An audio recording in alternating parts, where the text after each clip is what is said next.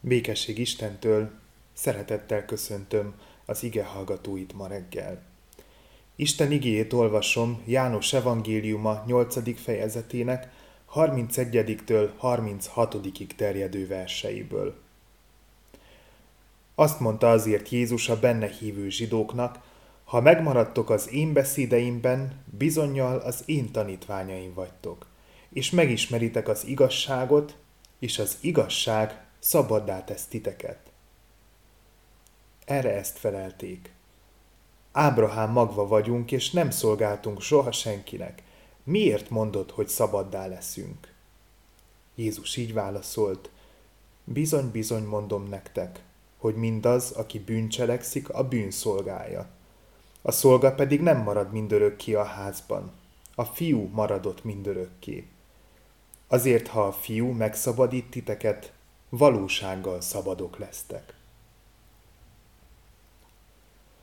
Mai újszövetségi igénkben Jézus olyanokhoz szól, akik az ő tanításait halva hívőkké lettek, de nem voltak még tanítványok. Jézus a hitbeli elmélyülés útját ajánlja fel nekik, amely a 31. és a 32. vers szerint három lépcsőből áll. Az első a megmaradás, meggyökerezés az igében, Isten szentségének erőterében, majd az igazság megismerése, vagyis Jézus megismerése, aki nélkül nincs lehetőségünk üdvözülni, Isten kegyelmében részesülni. Végül pedig a harmadik lépcső a szabadság elnyerése. Jézus hallgatósága annak ellenére, hogy mind olyanokból áll, akik már hívők lettek, mégsem volt nyitott az általa elmondottakra hárítani próbált. Azt felelték Jézusnak az ige szerint, hogy ők Ábrahám magva, ők nem szolgáltak soha senkinek. És amiatt értetlenkedtek, hogy ilyen esetben mi szükségük van nekik a szabadságra. Miért mondod, hogy szabaddá leszünk? Mindez egy olyan korban hangzott el, amikor minden józanul gondolkodó ember tisztába volt azzal, hogy a római uralom alól nem fognak egyik napról a másikra felszabadulni. Voltak, akik reménykedtek benne, de a legtöbben józanul belátták, hogy ők, bár Isten választott népe, mégiscsak egy kis nép, amely a méretéhez képest mindig is nagy hatással volt a világtörténelem alakulására, de legtöbbször nagy hatalmak vazalusaiként éltek. S vallásilag bármennyire is igyekeztek öntudatosnak lenni, az élet bizonyos területein szinte mindenkorban kötelezettségeik voltak elnyomó hatalmakkal szemben. Ábrahám leszármazottaiként szabadok vagyunk, nem szolgáltunk soha senkinek, mondta Jézus hallgatósága. De vajon mit értettek ez alatt? Mit jelentett ez a szabadság a római uralom árnyékában? Milyen értelemben lehettek szabadok a Makedón birodalom és utódállamainak a fennhatósága alatt? Hogyan élték meg ezt a szabadságot a babiloni fogság idején? Mit jelentett szabadnak lenni a királyok korának folytonos politikai manőverei közepette, amikor azért küzdöttek, hogy megmaradhasson az ország a környező nagyhatalmak szorongattatásában? A történetük során nagyon sokszor rabságban éltek, miközben adatott nekik néhány pillanat, amikor valóban szabadok lehettek. Magyar történelmünkben is voltak ilyen szabad időszakok, szabad pillanatok, amikor fellélegezhetett a nemzet. Egy ilyen rövid, szűken másfél éves, de gyönyörű szép időszak ért véget 1849 őszén, amikor a világosi fegyverletétellel lezárult az 1848-49-es forradalom és szabadságharc. Ma, október 6-án a szabadságharcot irányító katonai vezetők kivégzésére emlékezünk, a 13 aradi vértanúra. Vajon Jézus hallgatóságához hasonlóan a történelmünkkel a hátunk mögött, a jelenben, amelyben élünk, el tudjuk-e mondani ugyanúgy, hogy szabadok vagyunk, hogy nem szolgáltunk soha senkinek? Talán abban az esetben, ha ezt arra értjük, amire nagy valószínűsége Jézus hallgatósága is érthette – hogy ők szabadnak születtek, mert nem Hágárnak, a rabszolganőnek a leszármazottai, hanem Sára gyermekei, aki Ábrahám felesége volt. Ne törődj vele, hogy mit mondanak, az vagy, akinek tartod magad. Ne feledd el, hogy szabadnak születtél, énekli Bródi János. Vajon ma mit jelent számunkra ez a szabadság, és hogyan tudjuk a legteljesebben megélni? Erre a kérdésre Jézus válaszát tudom idézni. Úgy hiszem, az a legjobb útmutatás számunkra. Jézus a szolgasságot a bűnnel kapcsolta össze. Aki bűncselekszik, az a bűn szolgája, így mondta a hallgatóságának.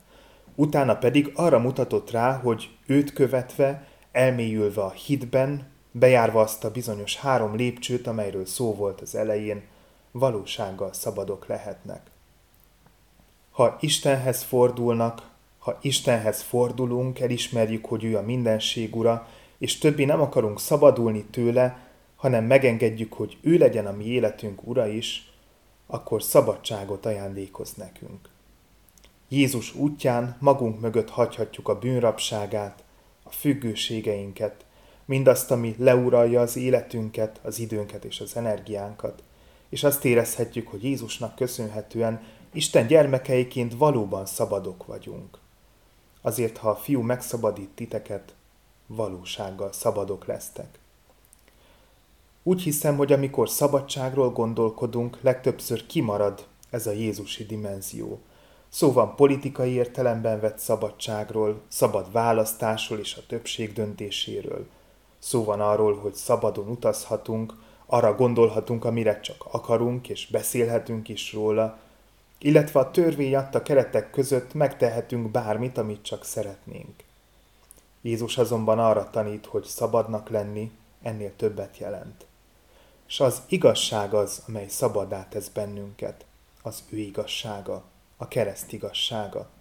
Ha ezt elutasítjuk, akár keresztjén származásunkra célozva, abban bízva, hogy szüleinktől örökölhetjük Jézus Krisztus igazságát, akár hitbeli elbizakodottságunk folytán visszakerülhetünk a bűnrapságába. Ábrahám gyermekei vagyunk, szabadnak születtünk. Mondták Jézusnak azok, akiknek jelentett valamit az ő tanítása. Ezek a gondolatok részükről hárításként hangzottak el. Számunkra azonban az evangélium olvasóiként azért van jelentősége ennek a gondolatnak, mert rávezet arra, hogy jobban megértsük, mit ért Jézus a szabadság alatt.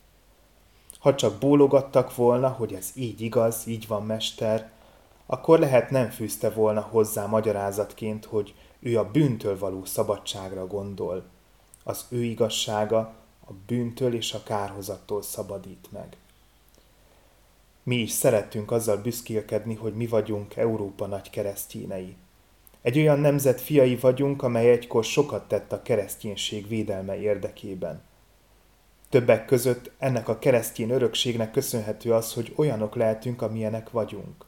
Hogy nem ismeretlen számunkra Jézus neve, és amikor a mindenséget kormányzó legfelsőbb hatalomról van szó, akkor egy nagyjából két és fél milliárd követőt számláló világvallás híveiként az önmagát a Bibliában kijelentő Istenre gondolunk. Ez azonban Jézus szerint kevés. Jó kiinduló pont, de ettől csupán benne hívő emberek leszünk.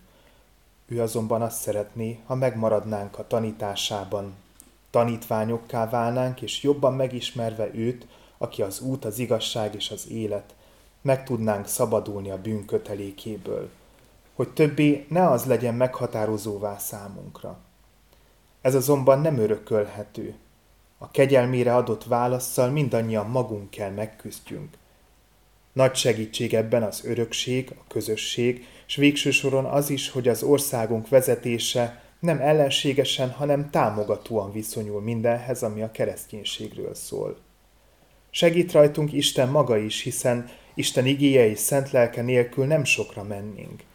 De hogy szabadok szeretnénk lenni, hogy Isten házában fiakként szeretnénk jelen lenni, a fiúban megragadva új emberünket, az a mi személyes döntésünkkel legyen. Ha örökölt szabadságunkra hivatkozunk, akkor elutasítjuk az igazit.